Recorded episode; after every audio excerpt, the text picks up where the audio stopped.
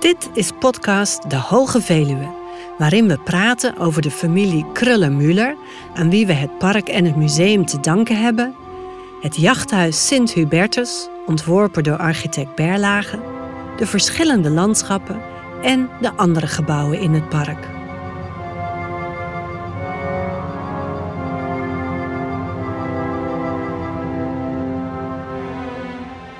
Vandaag de familie Kruller-Müller.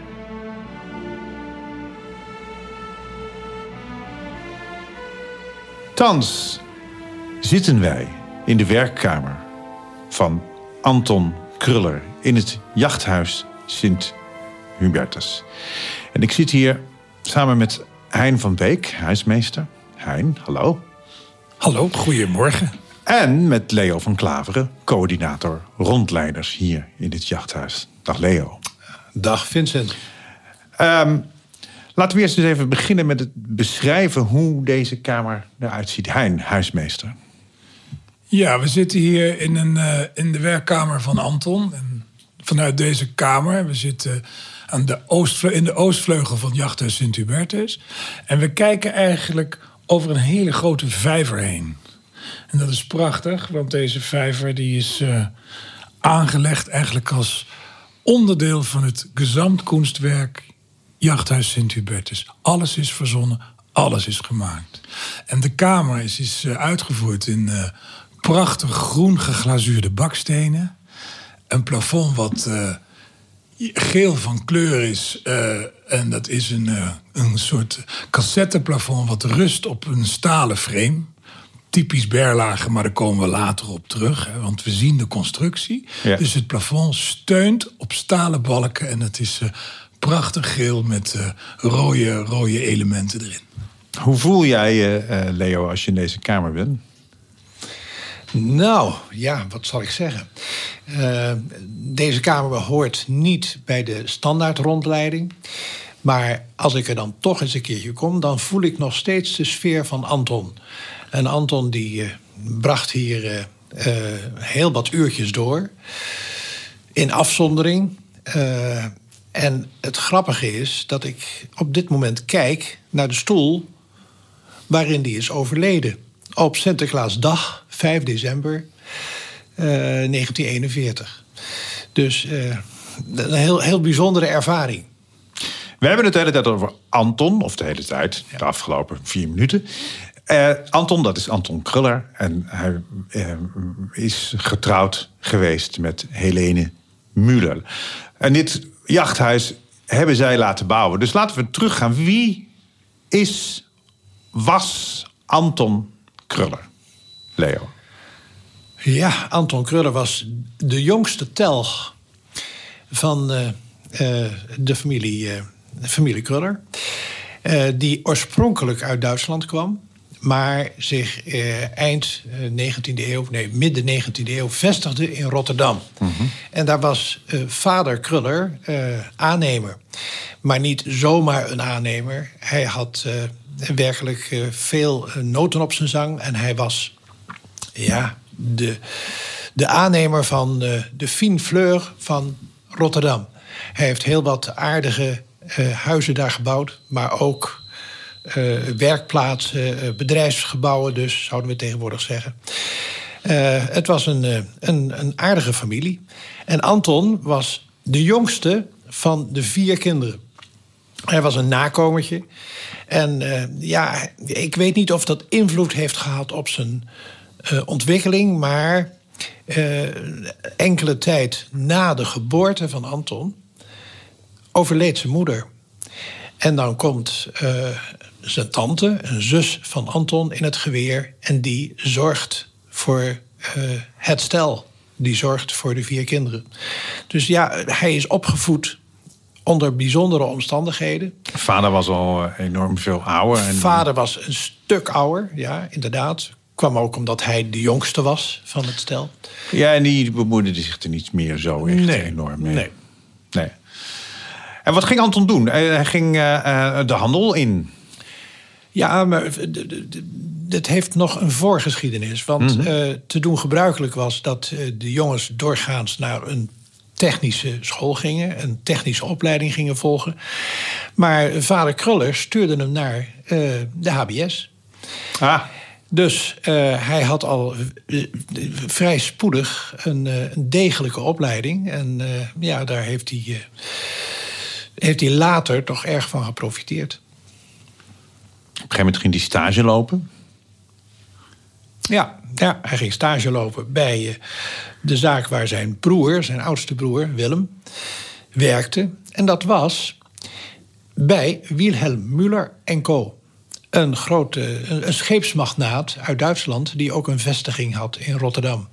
Waar de goederen die hij in, importeerde in Duitsland, voornamelijk graan en, en, en, en eh, ijzererts, eh, overgeslagen werd op Rijnaken. Waardoor dat allemaal doorging naar Duitsland. Dus eh, hij kwam daar als, als stagiair, zeg maar.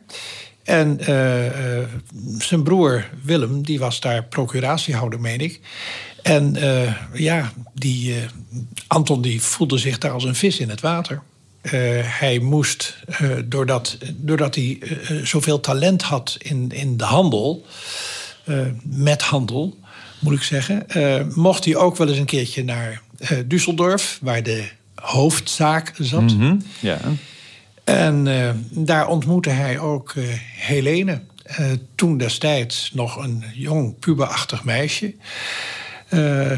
En ja, het leek vader Muller wel een heel goed idee. Dus daar komen we weer op een zeer prachtig oud terrein.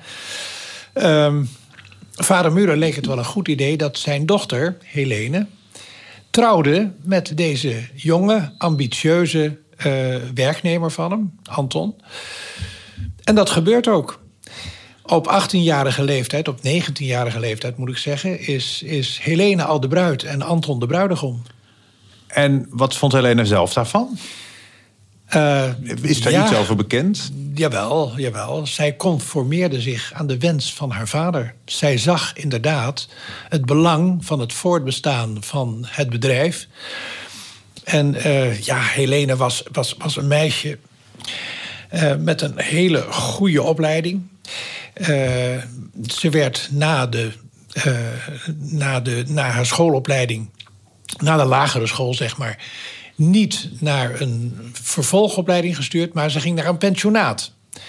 De Heure Tuchterschule eh, in Düsseldorf. En daar leerde ze fantastisch hoe ze een goede huisvrouw moest zijn, hoe ze eh, gasten moest ontvangen. En ze had erg veel op met eh, de grote namen in de literatuur: Lessing, Schiller, Goethe, Spinoza, niet te vergeten, een Nederlander. Ja. Ehm, nou, kortom, ze heeft een, een mooie opleiding gehad, maar, nou komt het, wij kennen haar natuurlijk van de kunsten. Ja. Maar ze had helemaal geen opleiding in die zin. Er was ook in dat gezin bijna geen belangstelling voor de kunsten. Want dat was iets eh, wat ja, niet in hun gezin ter sprake kwam. Dus eh, heel bijzonder is dan dat ze later zo ontzettend veel eh, van die kunsten is gaan houden. Ja, wat gebeurde er? Zij, zij trouwden. Kruller kreeg nadat haar vader overleed, want dat was al een jaar later, kreeg Kruller opeens een, een positie als directeur in het bedrijf. Ja, Eh, hij niet alleen, ook Helene, die werd Ja. directeur. En samen- toen nam, nam hun, hun, hun, hun, hun leven natuurlijk een, een enorme vlucht. Want uiteindelijk is het natuurlijk zo dat zij hier in, op de Hoge Veluwe... eh, nou ja, eh, gigantisch veel terrein aankochten. Dat jachthuis hier neer heeft gezet. Eh, Maar die kunsten, waar je het net over had... dat was voor Helene dus een, een gigantische drijfveer. En die drijfveer kon zij verwezenlijken... door middel van het gigantische kapitaal... wat zij samen aan het verdienen waren met die graanhandel, houthandel, ijzerertshandel. En dan spreken we nu, want we zitten nu, dit, die, dat huwelijk, dat is in 19, eh, 18, of 1888. Ja. Dus dan zitten we eigenlijk aan het, aan het begin van, van de hele snelle industrialisatie ook. Ja, precies. Maar uh, voorafgaand aan die industrialisatie uh, is het ook nog zo dat Anton en Helene een ja, min of meer een society leven, leven leefden. Ja. in Rotterdam. Hè. hoe heet het? Helene die leert daar paardrijden. Uh, maar ze had ook vier kinderen, waarvan de jongste nog in de luiers zat. Dus ze moest aan de ene kant de gastvrouw zijn. Nou, Want die kinderen zijn geboren tussen welke jaren? Ja, nou 1889, 1890, de oudste. Toon, hè, een, uh, een, afkorting van Anton. Uh, dan, toen kwam Wim, ja. toen kwam Bob. Maar de oudste was een dochter, Helene. Die is het eerst geboren. en dat was, ja, dat was gewoon zo. Bob, de jongste, die wordt, uh, ik meen een jaar of vijf, zes na uh, Wim geboren. Mm -hmm. Dus de op één oudste, ena, de op één na jongste. Yeah. En uh, die was nog in de luiers, terwijl de andere kinderen al tegen hun puberteit aan zaten. Nou, kortom, zij, ze amuseerden zich kostelijk in, in Rotterdam. Ze maakten uitjes per boot. ze zaten op een, op een hockeyclub, ook daar.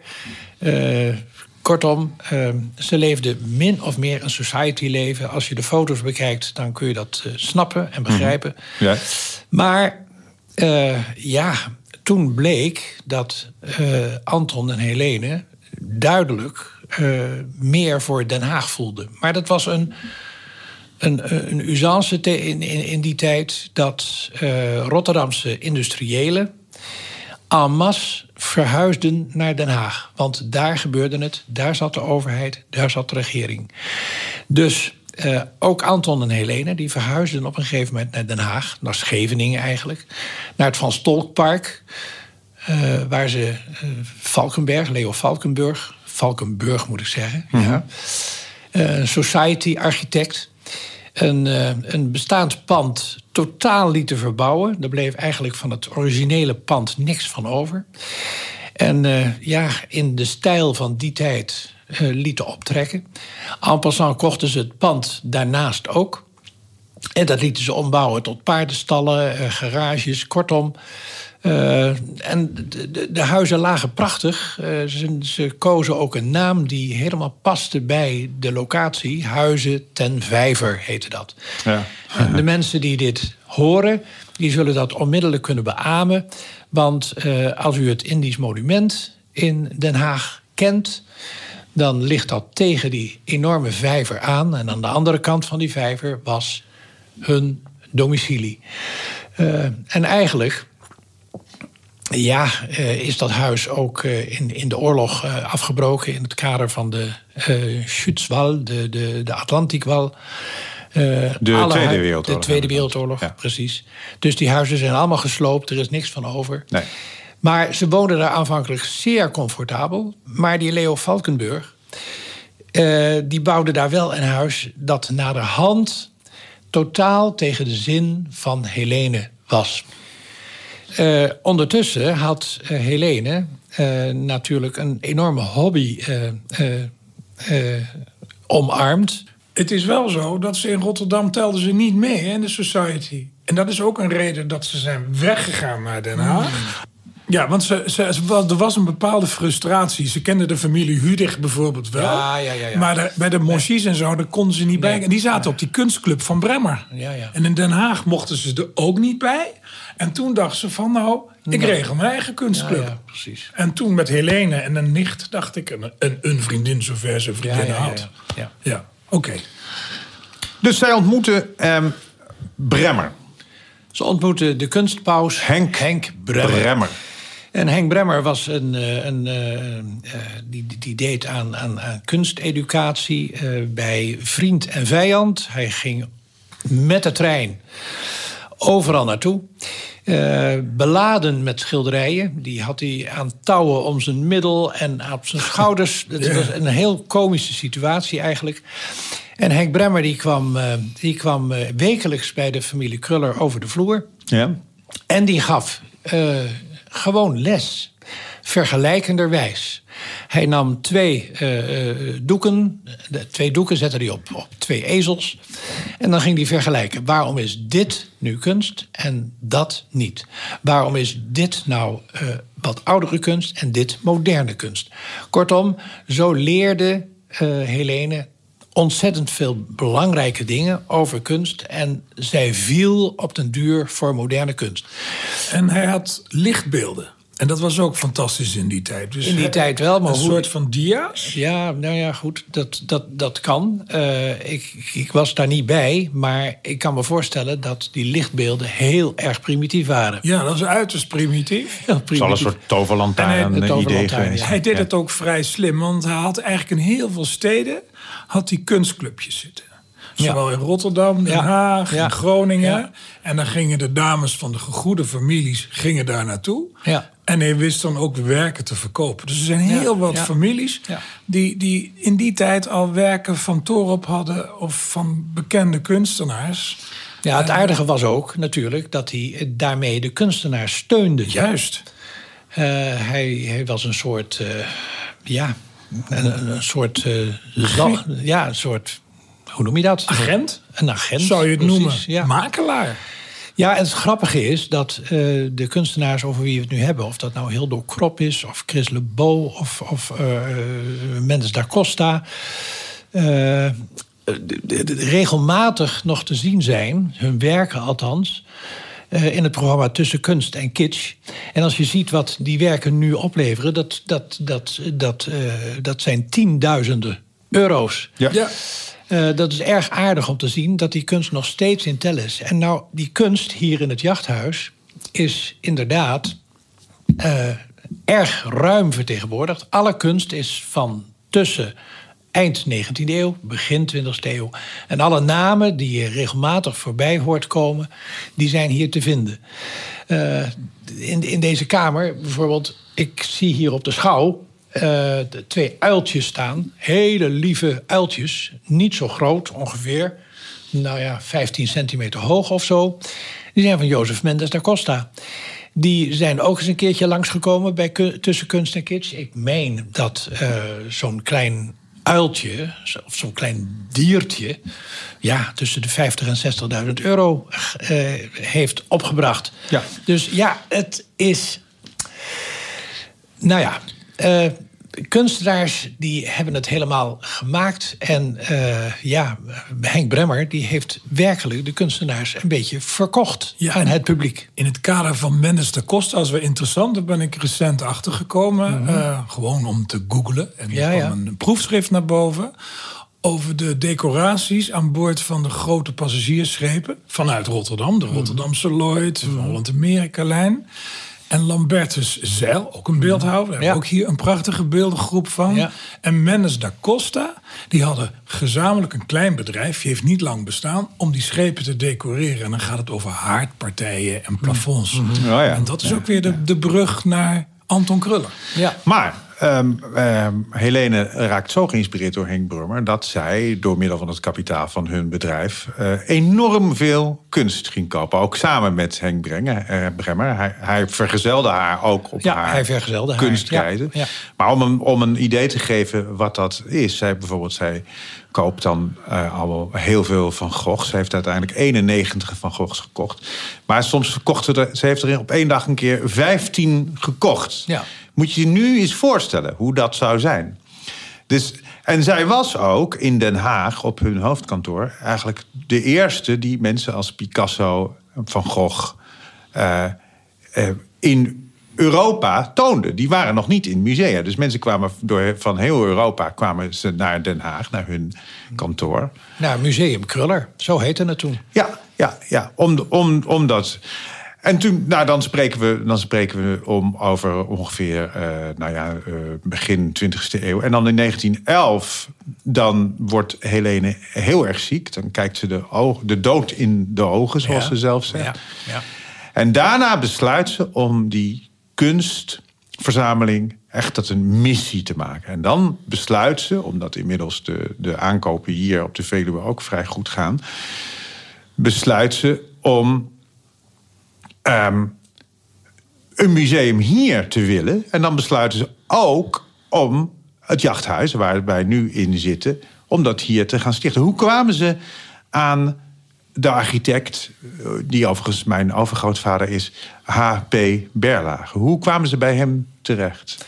Ja, dat is een, ook een verhaal apart. En eh, of het waar is, weet ik niet. Maar het wordt wel beschreven in zowel uh, Ariette Dekker met haar biografie over Anton. als in Eva Rovers met haar biografie over Helene.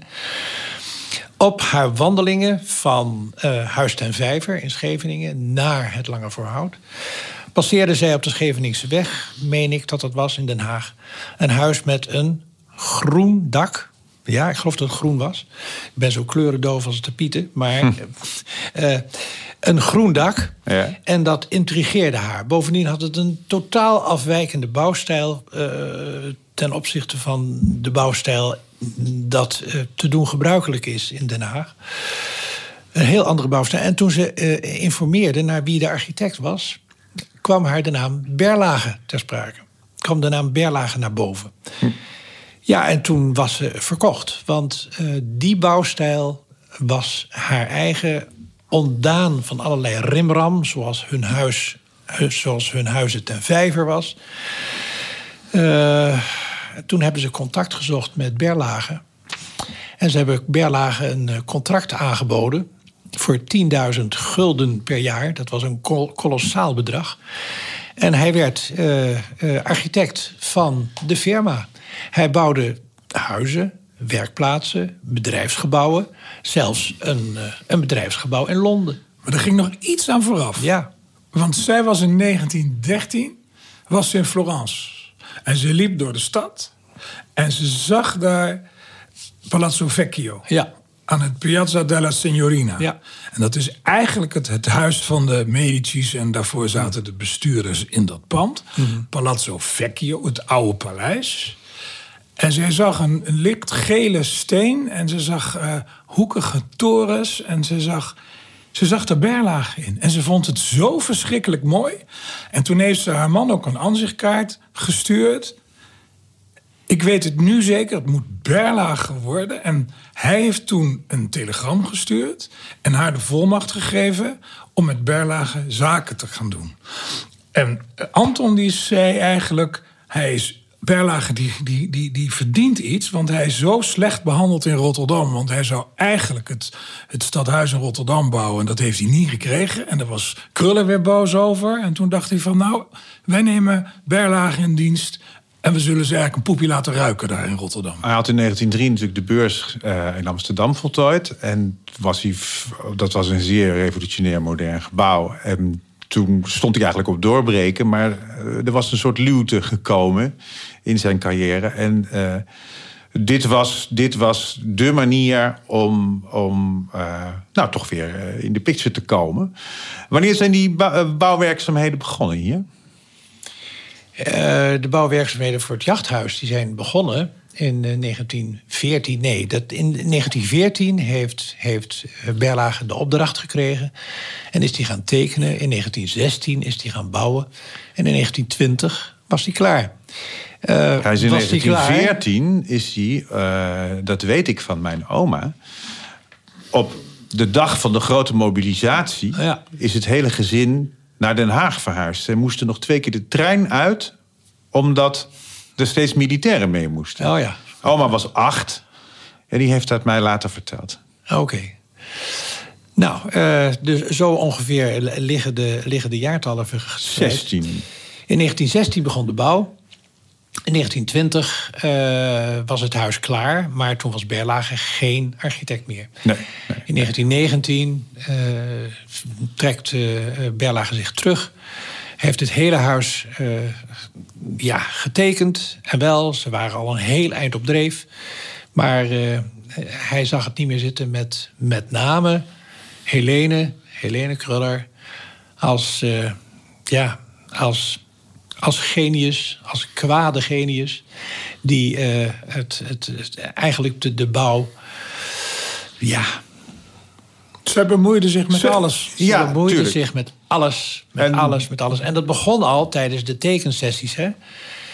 Uh, hoe heet het? Berlage die had zijn burelen in het uh, bedrijfspand in Den Haag. Op de Voorhout. En uh, ja, wij vertellen dan altijd hier een beetje een beetje smeuig natuurlijk. Uh, dat Helene s'avonds daar is wel eens ging kijken, ging kijken. En dan uh, de tekeningen bekeek. En dan aantekeningen maakte op die bouwtekeningen. Nou ja, dat is een doodzonde, hè? Als je een uh, architect gaat bekritiseren, Ja, vooral, zeker. dat kan niet. Nee, Dus eh, dat begon al verkeerd. Eh, bovendien was eh, Berlage een, eh, volgens Helene een zeer Calvinistische, stugge man. Ja, Ja, met dat vingertje. Ja. met dat vingertje, ja, precies. Dat zit nog steeds in onze familie. Dat ja, doen we dat is. nou, kortom, in 1919 eh, dan, dan, dan eh, komt eh, de zaak, dan gaat de zaak helemaal verkeerd. En die gaat verkeerd door het beruchte erkertje. Door het beruchte erkertje, wat natuurlijk ook altijd wel verteld wordt. Ja, het erkertje. Dat was de druppel. Het was de beroemde druppel die de emmer deed overlopen. En eh Berlage die nam ontslag. Maar ja, Ja, en dat had alles moet- te maken met, met, met symmetrie. Hè? Dat had alles te maken met symmetrie. Berlage was de architect van de symmetrie. We zien het hier zelfs in de tafel. Dat die, dat die poten precies allemaal hetzelfde zijn. ja, ja, maar En goed, a- alles is symmetrisch. alles is symmetrisch. En Helene die, Helene, die wilde een erkertje aan haar... Aan haar werkkamer, aan haar blauwe kamer, zo, het is zoals die Ja. genoemd wordt. En dat zou de, de symmetrie volkomen verstoren. Ja, nou ja, wij denken dan, wij zeggen dan als rondleiders... Dan, eh, als die verhouding tussen Helene en Berlage goed was geweest... hadden ze daarover gepraat en was dan een oplossing gekomen. Maar dat wilde Berlage niet. Speelt een andere eh, eh, zaak Ja. toch ook een belangrijke rol... Berlage had op dat moment in 1919 ook een zeer eervolle opdracht van de gemeente Den Haag om een, een, een, een museum te bouwen, om eh, annex concertzaal, kortom een, een allround gebouw. Daar ergens aan wat nu de Stadhouderslaan is. Eh, kortom, daar voelde hij ontzettend veel voor. En Het hij wilde latere weg. gemeentemuseum. Het Ja. latere gemeentemuseum, nu kunstmuseum. Ja. Ehm, Mag ik zeggen dat Helene had natuurlijk eerlijkheidshalve, even los van de symmetrie. ja. Laat me even helemaal terug. De eerste schetsen van Berlage van het jachthuis. We hebben ze allemaal liggen. En het Ja, is prachtig. ja, ja, Mhm. In kleur uitgevoerd. Als je kijkt, en dan moet je niet te kritisch kijken... maar de hele grote lijnen is wat hij het eerst heeft getekend... is eigenlijk volledig uitgevoerd. Ja. En dan zit die serre er ook nog tegenaan. En ik geef er groot gelijk, want ze kon vanuit die serre... of die uitbouw van Annex, kon ze op de vijver kijken. Ja. En anders niet. En het dat, is wel haar werk. Dat kon in, Ja. in Berlage's plannen niet. Dus Nee. ja, precies. Nee. Jullie Maar zitten hier een beetje mijn overgrootvader af te vallen. Nou, Het is wat. Heel klein beetje, wat, maar het hij wou wat. toch weg? Dat die kans heeft hij om- gegrepen. Om, om, om dat even goed te praten, ik geef jou gelijk, Hein. Eh, er zijn prachtige eh, eh, aquarellen gemaakt van diverse vertrekken. Ook van dit vertrek. En dan zie je dat op die aquarellen... en let wel, toen stond er nog geen steen op de andere. Nee. Die waren allemaal al klaar voordat het huis gebouwd werd. En als je nu rondkijkt, dan is het precies zo uitgevoerd. Het klopt één het op klopt, precies. Dus wat dat betreft is er een vakman aan het werk geweest. Eh, ten voordele van jouw overgrootvader dus. Eh, het is zelfs zo dat hij iedere baksteen, iedere natuursteen in een hoek geplaatst, driedimensionaal heeft getekend. Dat moet een heidens werk geweest zijn. Bovendien is het een heidens werk geweest voor de bouwvakkers uit die tijd. Er kwamen hier stenen binnen die allemaal duidelijk omschreven moesten worden waar of ze geplaatst werden. Eh, ik stel me dan altijd voor dat die bouwvakkers gillend gek werden van smalle stenen, brede stenen, extra lange stenen. Nou, kortom, eh, waar moet alles komen? Waar moet alles zitten? Eh, de tekeningen waren ook best ingewikkeld om te lezen, maar het is er gekomen. En dat zie je nog aan alle kanten van het jachthuis. Ja, het is natuurlijk een enorme puzzel. Het is ook tegelijkertijd een gezamtkunstwerk geworden Ja. natuurlijk. Want daar ging Berlage prat op. Dat was natuurlijk de beurs, was dat ook al. Eh, dat, was, wat, dat, was echt zijn, zijn, zijn eh, manifest eh, in, in de bouwstijl. Zeker. En ehm, Uiteindelijk heeft Jean van der Velde het natuurlijk afgemaakt. Uh, Harry van der Ja, ik wou al zeggen. Sam van der Velde. Nee, Jean ja. van der Velde. Dat is die filmmaker. Ja, ja, nee, ja, ja. nee. Harry Harry van der Velde. Harry van der Velde. van der Velde heeft het afgemaakt. Wereldberoemd, Bauhaus. Ja, ja, Geeft niks. ja. Die overigens ook het Kruller-Miller heeft eh, eh, ontworpen. Ja, en het logo niet te vergeten. Eh, ja. is ook van hem. En eh, ehm, toen, toen, toen stond het hier. Berlage was dus naar het gemeentemuseum gegaan. Eh, wat gebeurde er met het huis toen? Eh, t- Helene en Anton die zijn erin getrokken. Eh, daarnaast eh, moet ik toch even vermelden dat ze hier... Mag ik zeggen, Veluwe- ingetrokken als gastenhuis, een gastenverblijf Ja, eigenlijk. Want ja. ze wonen gewoon in Wassenaar. Ze wonen gewoon- in Wassenaar. En dat huis hebben ze eh, verkocht toen. Eh, ze, ze ze hadden natuurlijk hier ook in Harskamp een huis, een boerderij. Een boerderijtje, het Klaverblad, genoemd naar vier kinderen. Annex een echte modelboerderij waar Toon, de, de, de oudste zoon, nog een tijdje boer is geweest. Die is Maar- ook van Berlage. ja, eh, na de hand. eh, als je Helene diep in de hart keek, dan was ze liever op het klaverblad, dat kleine gedoetje, dan hier in het jachthuis. Eh, haar uitspraak was, hoe mooi het huis ook is, het is een kunstwerk, absoluut. Maar Berlage dwingt je wel muren op. En daar kun je je iets bij voorstellen als je hier op de benedenverdieping in het jachthuis loopt. Ja. Het is allemaal muur, muur, muur en nog eens een keertje muur. Ja, ja, ja. Het zijn allemaal bakstenen. En Ja. een prachtig uitzicht op die vijver. Absoluut. Het is, eh, ja, het is een bepaalde stijl in, in ge- geweldige vormen gegoten en prachtig in kleur gezet. Kortom, ehm, Maar eh, mag ik ja, ja, benadrukken dat dit huis is niet neergezet als een gezellig vakantiehuis Nee. voor de familie. Nee, Nee. het is gebouwd om te pronken in de internationale zakenwereld. Hè. Het, het ligt hier op de Veluwe. Er werd gejaagd. Anton was eigenlijk van huis uit helemaal geen jager. Nee. Hè, maar de macht jaagt. Dus als je nou veel jachtgronden hebt, dan komen ze vanzelf. Nou, Prins Hendrik kwam hier bijvoorbeeld. Ja. En ook wel wat andere mensen. Ehm, maar het is neergezet om te, om, om te pronken, om te ontvangen. Maar hoe vaak waren zij hier? Is daar Nou. iets van bekend? ja, Niet heel veel, want toen het, huis, Incidenteel. kla- toen het huis klaar was, was natuurlijk de, de, de wereldeconomie toch wel een beetje ingestort hè, na die Eerste Wereldoorlog. Dan hebben we natuurlijk in de Roaring Twenties aan het eind hebben we weer een opgang. Mhm. En rond 1935 was het gewoon klaar. Nou, kijk, er is in 21 is er een kleine eh, crisis. En toen ging het eigenlijk al wat slechter met het bedrijf Ja. van, eh, Ja. van, van Krullen. Ja. Dat richtte zich een beetje op, maar in 29 kwam natuurlijk weer de volgende enorme klap. Maar ja, de, de, de vraag doet zich ook voor. En dat, dat, eh, dat is een vraag die veel gasten hier, de bezoekers dus, stellen. Hoe kwam Anton Kruller aan zoveel geld? En dan moet je eigenlijk naar de Eerste Wereldoorlog. Ja. Want Anton Kruller die was een eh, slimme jongen. Eh, die had eh, ook de nodige contacten in Den Haag, in, in, bij de regering dus.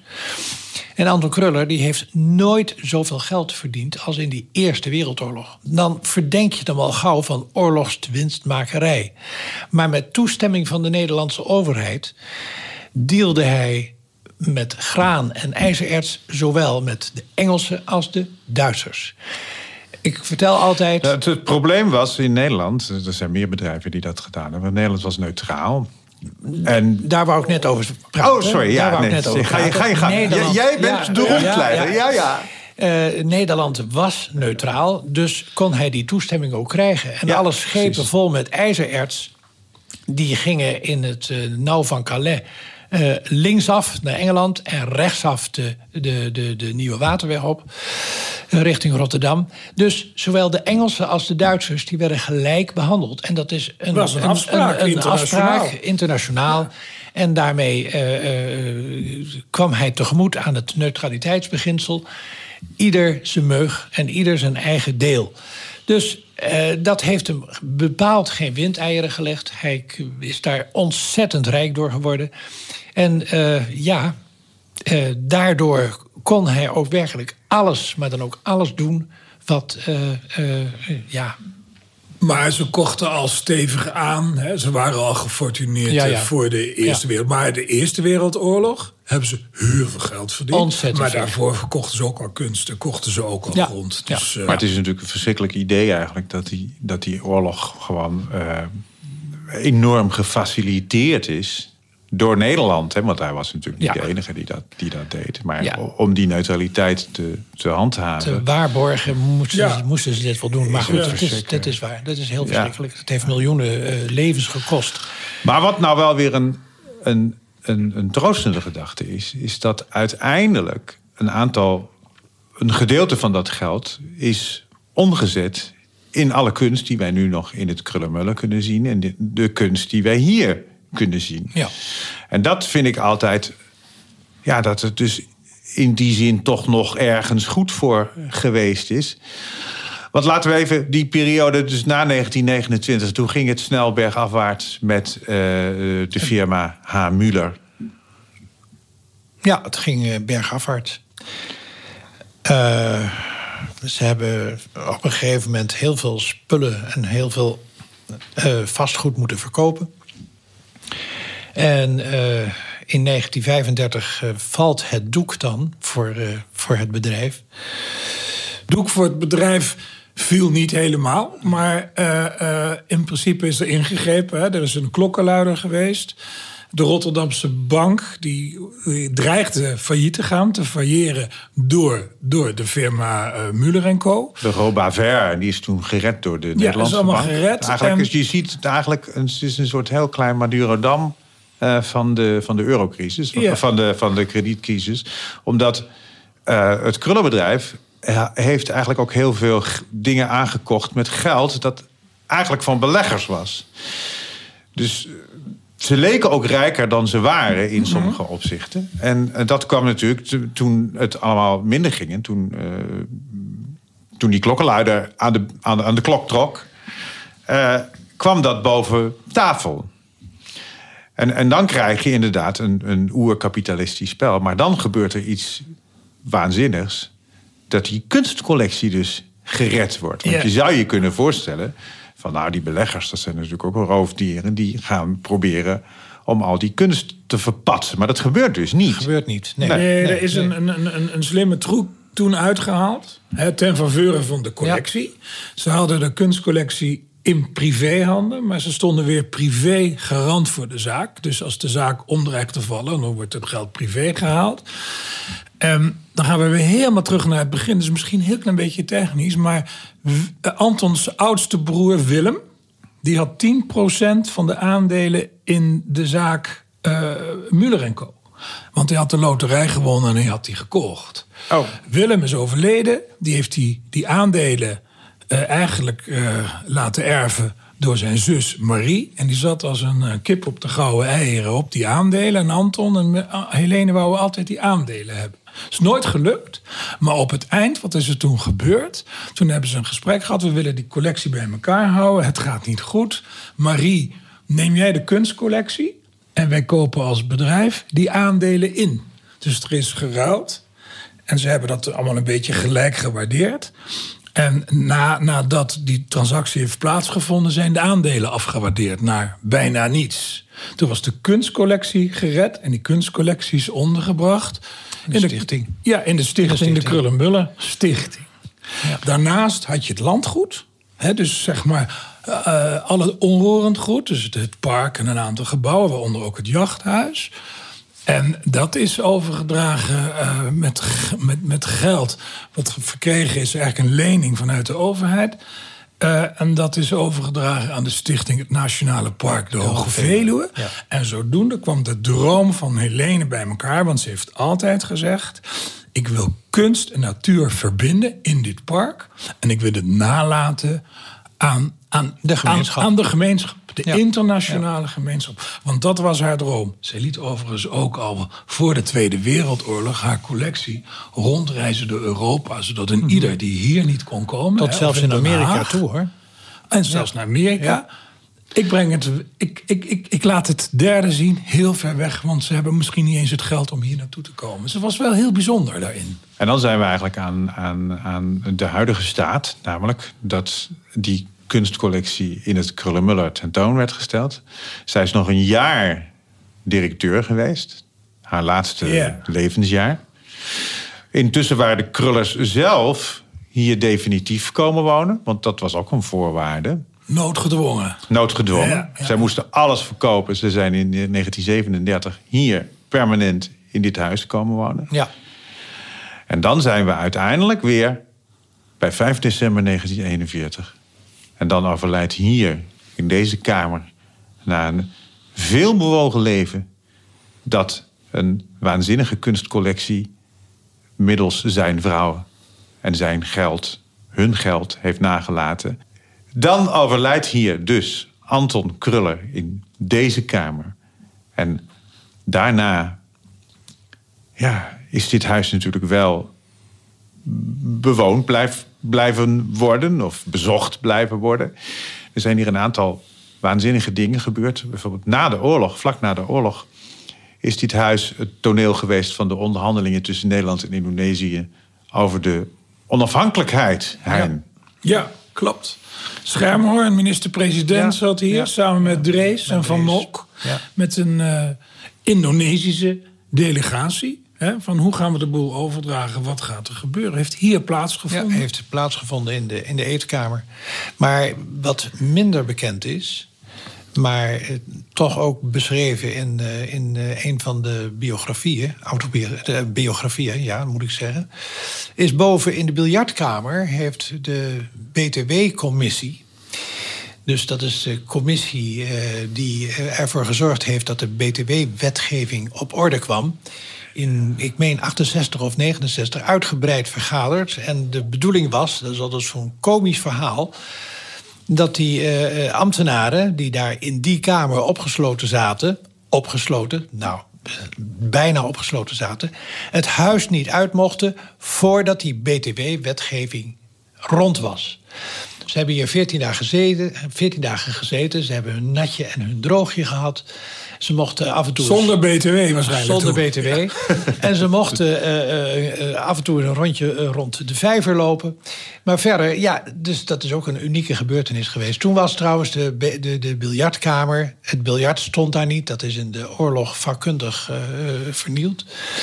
En dat stond tijdelijk in, in, in de kelder. Dus de- dat was de verga- vergaderkamer. Nog steeds heet de biljartkamer ook wel de vergaderkamer.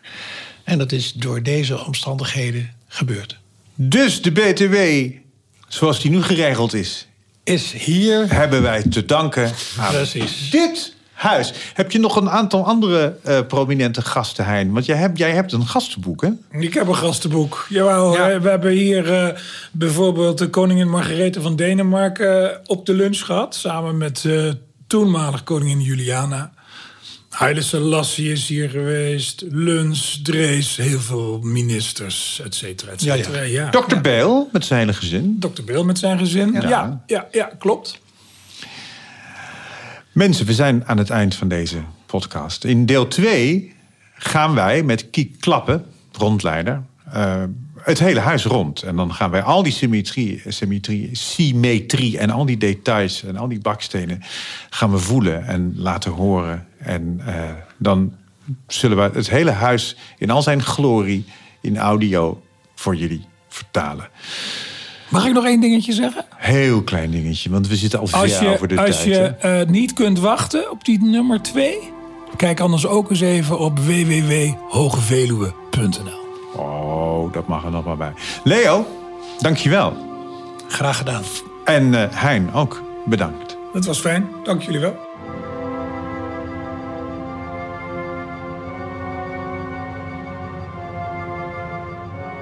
Dit was podcast De Hoge Veluwe, gemaakt door Hein van Beek en Vincent Bijlo. Muziek Kilian van Rooij. Met dank aan Leo van Klaveren. We zouden het zeer op prijs stellen als je de podcast met zoveel mogelijk mensen deelt en reviews en sterren zijn altijd welkom.